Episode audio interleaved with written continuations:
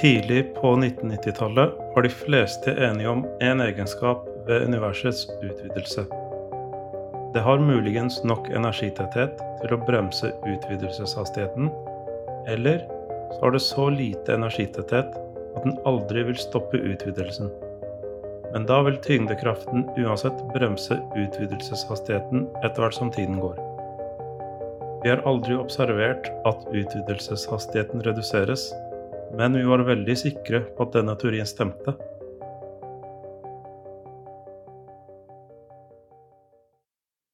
Observasjonene fra Hubble-teleskopet viste oss at for lenge siden utvidet universet seg saktere enn i dag. Dette må bety at utvidelseshastigheten har økt. Ingen forventet dette, og ingen vet helt hvordan man skal forklare dette. Men én ting er sikkert. Noe forårsaker denne økte utvidelseshastigheten. Jeg befinner meg i dag hos Institutt for teoretisk astrofysikk ved Universitetet i Oslo.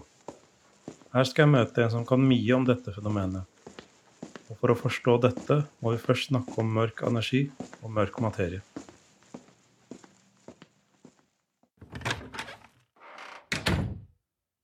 Øystein Elgarøy, velkommen til Astronomipodden. Tusen takk. Kan du fortelle litt om deg selv og uh, hva du jobber med? Det kan jeg gjerne, ja. Jeg jobber her på Institutt for teoretisk astrofysikk ved Universitetet i Oslo. Der jobber jeg som professor, dvs. Si at jeg bruker en del av tiden min til å undervise, og, en, og andre deler av tiden min til å forske på, på universet. Og Eh, noen av de tingene jeg er spesielt interessert i, er eh, det vi kaller for mørk materie og mørk energi. Så det sammen med kolleger og studenter og doktorgradsstudenter her, så forsøker vi å finne ut av hva den mørke materien og den mørke energien kan være. Eh, man har jo prøvd å komme opp med teorier om teori som skal forklare hvorfor universet utvider seg raskere og raskere. Ja. Um, må korrigere meg, og Hvis jeg har skjønt det riktig, så sier Einsteins generelle realitetsteori at den ikke burde utvide seg raskere, raskere og raskere. Eh, ja, for, for, så vidt. Altså, da, da, Einstein for første gang forsøkte å bruke teorien sin til å lage en modell for hele universet, så fant han at uh, han ikke kunne ha uh, et univers som var, var, statisk, som var det han så for seg. Dette var i, i 1917, og på den tiden så hadde de ingen anelse om at universet utvidet seg. Alle trodde at universet var statisk. Eh, men han fant altså at teorien sånn som det var, sånn som den var, ikke tillot det. Enten så måtte universet utvide seg, eller så måtte det trekke seg sammen. Men hvis det utvidet seg, så ville det utvide seg saktere og saktere etter hvert som tiden gikk. Det har å gjøre med at uh, tyngdekraften er tiltrekkende. Så når, når uh, en galakse beveger seg vekk fra en annen, f.eks., så vil tyngdefeltet, fra, tyngdefeltet deres prøve å trekke dem mot hverandre. Så det fører til at det bremser ned den bevegelsen. Eh, men så går det an å putte inn noe ekstra i, i Einsteins ligninger. Noe som kalles for den kosmologiske konstanten. Og Einstein putta den inn fordi han ønsket å lage en statisk universmodell. Han var helt overbevist om at det var, sånn måtte universet være. Eh, den kosmologiske konstanten den virker på en måte som en frastøtende tyngdekraft. Så, så ved å tilpasse den konstanten, så kunne Einstein sørge for at de tiltrekkende tyngdekreftene ble balansert av en frastøtende tyngdekraft. Eh, men nå som vi vet at universet utvider seg, så trenger vi ikke den kosmologiske konstanten til å gjøre den jobben lenger. Men det går an å å bruke den til å gjøre noe annet, nemlig å forklare hvorfor universet utvider seg fortere og fortere. Hvis du har en frastøtende tyngdekraft, mm. hvis den er stor nok, så kan, den, så kan den eh, pushe på utvidelsen og få den til å gå fortere og fortere. Så det er, det er eh, den enkleste forklaringen på, på mange måter på at universet utvider seg fortere og fortere. Ja. Og hvis vi da går over til eh, mørk energi, Ja. som det er sentralt i å forstå dette, så um, jeg leste et sted at man estimerer med at rundt 68% av universet er mørk energi, og 27% er mørk materie. ja. Og at alt annet som måte, jorda, Mhm. jorda vår, solsystemet, alle planetene, alt vi har observert med teleskoper og lignende, Mhm. eh, det er- utgjør kun 5% av universet. Ja. Og da, da tenker jeg, hvis det er så mye som vi ikke vet om, da er det veldig viktig å på en måte prøve å kanskje forstå det mysteriet litt bedre. Absolutt. Um, så gitt at alle disse estimatene er korrekte, mm. um, kan du forklare på en enkel måte hva er egentlig mørk energi? Eh, ja, det er rett og slett bare et navn vi har gitt til eh, hva det nå enn er som får universet til å utvide seg fortere og fortere. Så for eksempel så er den kosmologiske konstanten som jeg nettopp snakket om, det er én modell for hva eh, den mørke energien kan være. En idé om hva det kan være. Men så er det mange som syns av forskjellige grunner at det ikke er en så god idé. At det er, det er den kosmologiske konstanten skaper en del problemer som de gjerne vil unngå. Eh, Så da prøver de å lage andre modeller for hva det er som får universet til å utvide seg raskere og raskere. Så det finnes haugevis av forskjellige ideer om hva det kan være, men eh, sekkebetegnelse for alle disse ideene er mørk energi. Mm. Så det er bare et eller annet som vi egentlig ikke aner hva er, men vi, vi, ja, vi vet hva det må gjøre. Det må få universet til å utvide seg fortere. Og øh, mørk materie, Ja. er det det samme som mørk energi, eller er det noe helt annerledes? Eh, Og hvordan er forholdet mellom mørk materie og mørk energi, hvis det har et forhold? Ja, det- det Om det har et forhold, det er en av de, tingene, en av de mange tingene vi ikke vet om dette her. Du kan si Det eneste vi vet, er at mørk materie og mørk energi må gjøre forskjellige ting. For at mørk materie skal gjøre jobben sin, så må det ha vanlige, kan du si, tiltrekkende tyngdekraft. Så det, det må oppføre seg som alt annet uh, som vi har kjent til før vi oppdaga mørk energi. Men Det, det, det må være sånn at den lager tyngdekrefter som er tiltrekkende. Så du kan si mens eh, mørk energi eh, skyver og dytter, så må, så må, så må mørk energi, materie trekke.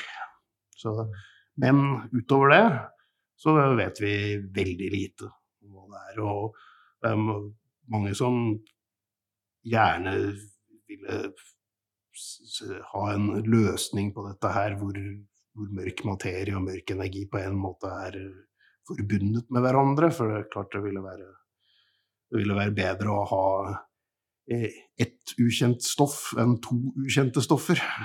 Ja. Så, men alt vi kan øh, si med noenlunde sikkerhet, er at uh, altså uh, Hvis de to tingene finnes, så må de ha ulik funksjon. Det ene må skyve, det andre må trekke. Og så kan vi også da si at hvis øh, de, de er der, så ut, må de utgjøre omtrent øh, altså mørk, mørk energi, omtrent 68% som du sa, mørk materie omtrent 27 av innholdet i universet. Jeg sier hvis de finnes, fordi Ja. det finnes jo altså, eh, altså Selv om observasjonene våre er blitt bedre og bedre, så eh, gjennom de siste 20 årene så har liksom dette bildet av hvordan hva universet er satt sammen av, bare blitt bekreftet gang på gang. Eh, men det fins jo alltid en mulighet for at vi tolker observasjonene feil, eller at løsningen på dette her ikke er at universet er fylt med masse ukjent stoff, men at eh, tyngdekraften oppfører seg annerledes enn vi og Einstein trodde. Så det er jo også en mulighet Mm. som, som mange, mange undersøker. Og da forsøker å som, Istedenfor å putte inn nye og ukjente stoffer, så ser de om det går an å forandre på måten tyngdekraften virker på, for å forklare dette. her. Interessant. Mm. Um, når jeg gjorde research for denne episoden, her, så kom jeg over Euclid-prosjektet på hjemmesiden deres. Ja, Um, dette er da et uh, teleskop som skal skytes opp. Stemmer. Um, kan du fortelle litt om hensikten med Euklid? Hva, hva er det den skal berike oss med? Uh, Euklid er som du sier et teleskop som skal skytes opp i bane. Den skal gå i bane i, rundt i halvannen millioner kilometer fra jorda. Uh, og det den skal gjøre, er å lage et stort kart, et, ikke bare kart, tredimensjonalt kart, uh, av hvordan galaksene ligger fordelt uh, i universet ut i ganske store avstander fra oss. Ut i avstander på milliarder av lysår fra oss. Uh, så, den, så den skal den, Det er et teleskop og så er det to instrumenter som sitter på det teleskopet. Det ene er rett og slett et slags kamera som tar bilder, men med forskjellige filtre på galaksene, sånn at du kan se, dem, se liksom hvor mye, hvordan de ser ut når du ser på grønt lys, når, hvordan de ser ut når du ser på blått lys, osv. Eh, og så har du en såkalt spektrograf, som rett og slett er et instrument som på en måte lager regnbuen av lyset som disse galaksene sender ut. Og det, det, det, vi kaller på fint for et spektrum. Når vi har et spektrum, så kan vi studere detaljene i det og finne ut mye mer om, om galaksene. Det vi først og fremst kan gjøre, er å finne en slags indikator på hvor langt unna de er. Og det er den indikatoren vi kan bruke til å lage et tredimensjonalt kart. Så det, det, var mange ord, men også i bunn og grunn, den skal, den skal lage den skal lage et tredimensjonalt kart som viser hvor galakser ligger. Og Norge er en aktiv bidragsyter til dette, eh, både når det gjelder forskning, men også eh, privat sektor, som f.eks. lager deler til dette? Ja, det var et norsk firma som lagde noen, noen av delene som, eh, som er som var viktige for teleskopet. Eh, og, og, så er vi da en gruppe forskere her på Institutt for teoretisk astrofysikk som eh, jobber med det prosjektet. Vi har også folk i, i IT-avdelingen her som eh, er aktivt med i prosjektet og bygger opp en del av, av den, hva skal vi si, den, det samlebåndet som, som som observasjonene må gjennom før, før de kan brukes til noe. Det er, det er, masse støykilder som man må tenke på, som må renskes bort osv. Så, videre. så Så det er en stor jobb å ta liksom de rådataene som teleskopet gir, og så gjøre det om til noe som vi faktisk kan bruke og analysere og finne ut.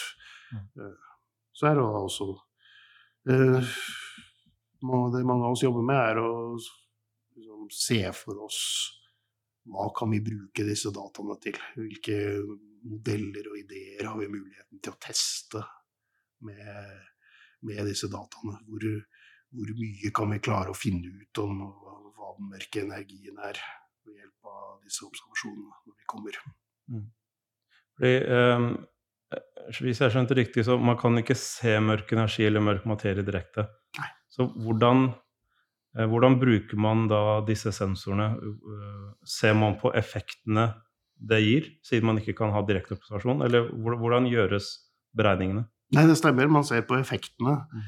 Eh, så det er jo da først og fremst gjennom tyngdekreftene de lager, at vi kan, at vi kan lære noe om disse stoffene. Og både mørk energi og mørk materie har betydning for hvordan eh, galakser vil eh, fordele seg i universet. De statistiske egenskapene til fordelingen. Galaksene ligger ikke helt jevnt strødd utover. De klumper seg sammen på forskjellige måter. Eh, og detaljene i hvordan de klumper seg, det, det avhenger av egenskapene til både den mørke materien og den mørke energien. Så For eksempel så når uh, nøyaktig når effekten av mørk energi begynte å merkes på universet, det vil avhenge av hva, hva den mørke energien er. Uh, Og, men det som skjer når, når eh, den mørke energien begynner å ta over, og kan merkes på ut, ut, utvidelsen til universet, er at da vil, eh, da vil massen i universet slutte å klumpe seg. Fordi da begynner universet å utvide seg for fort. Sånn at de, de klarer hvis, de, hvis, det er to galakser som prøver å nærme seg hverandre, så vil de, så vil de bli, begynne å bli dytta hardt vekk fra hverandre, og derfor så kan de ikke nærme seg hverandre lenger. Så, mm. så det, eh, det, er sånne effekter som det der vi kan bruke eh, til, å, til å analysere kart, kartet som vi får, og finne ut av ok, det, ser, galaksene ser ut til å klumpe seg på den og den måten. Det stemmer ikke med den modellen, men kanskje det passer bra, bedre med denne modellen, og så videre. Så det blir en ganske heftig analysejobb når dere får dataene? da? Absolutt, det gjør det. Men det er jo da moroa begynner òg. Eh, du nevnte at den skal ganske langt ut, ja. Eh, det teleskopet. og Hvorfor har man valgt akkurat det punktet der den skal være? Ja, det er et punkt som har et navn. Det kalles for eh, det andre Lagrange-punktet. Er det der James Webb også er? Det stemmer, ja. ja. Så i, den, ja, i, det punktet så, eh, så ligger, vil teleskopet ligge på en sånn måte at, eh, at jorda alltid er mellom, mellom det og sola. Så du får så sollyset, som kunne være en ganske stor kilde til eh, støy i observasjonene der. Du ønsker å ha minst mulig av det. Og når du legger teleskopet sånn at jorda alltid ligger mellom, så, så kan du gjøre gode observasjoner hele tiden. Så det er grunnen til at man valgte å putte det der. Hvor lang tid vil det bruke på å komme til den posisjonen? Eh, hvor lang tid vil det bruke da? Det ja, har jeg ikke helt i hodet, men det tar vel eh, Et par måneder? ja, noe sånt. Det var, vel, det var vel noe sånt James Webb brukte. Så, ja. Ja, så det er vel tilsvarende. Mm. Det er jo ett lite problem da, det, med oppskytingen det, som har oppstått, dessverre. Det er at uh, Euclid skulle bli skutt opp uh, en Eh, en gang i løpet av dette året eller tidlig neste år med eh, en russisk Soyuz-rakett. Ja. Eh, fordi ESA hadde får vi si, et samarbeid med den russiske romfarts, romfartsorganisasjonen Roskosmos. Men med den situasjonen som har oppstått nå med krigen i Ukraina, så har russerne sagt at vi kan bare glemme å få lov til å bruke mm. rakettene deres. Så nå må man prøve å finne en alternativ løsning, og det kan, det kan ta tid. Og det vil meget sannsynlig føre til at oppskytingen blir utsatt med minst et år. Ja. Vi kan håpe på at det vil skje en gang i 2024. Ja. Og øh, når forventer man å få de første dataene fra, fra Euclid? Eh, ja, de vil, de vil, jo begynne å komme ganske raskt når det er på plass. Men men det vi trenger, er jo et For å virkelig ha noe som vi kan bruke til noe, det er et, det er et kart som dekker hele himmelen. Og det vil ta, det vil ta et års tid før før eh, det, de dataene er samlet inn. Og så vil det også ta en god stund å, å, rense alle disse dataene for støy, og, sånn at de kan brukes til noe. Så det, vil, det kan nok fort ta et par år fra teleskopet er skutt opp til de første resultatene begynner å komme. Og de uh, modellene du snakket om, er det noe dere har utviklet her selv, eller i samarbeid med andre organisasjoner? Eh, ja, de konkrete modellene for mørk energi, de eh, Som regel så er ikke det modeller vi har funnet på selv, men eh, det en av de en av de tingene vi driver med, med her, det er å uh, se på ulike modeller og eh, kjøre store simuleringer av hvordan, eh, hvordan fordelingen av masse og galakser i, i, i et i univers med forskjellige former for mørk energi vil utvikle seg med tiden. Som starter på et tidlig tidspunkt, og så ser vi hvordan, hvordan massefordelingen utvikler seg gjennom tiden. Eh, så, og på den måten så kan vi lage så, eh, ganske detaljerte forutsigelser for hva teleskopet skal se. Eh, hvis de forskjellige modellene er riktige. Så en bestemt modell vil gi oss et kart som ser sånn ut. En annen modell vil gi et kart som, som ligner litt, men som er annerledes på den og den måten, og så videre og så videre. Så, så det er vi, vi tar vi tar ulike ideer, og så ser vi på, i detalj på konsekvensene av, av de ideene. Lykke til med Aklit-prosjektet. Tusen takk for at jeg fikk være med.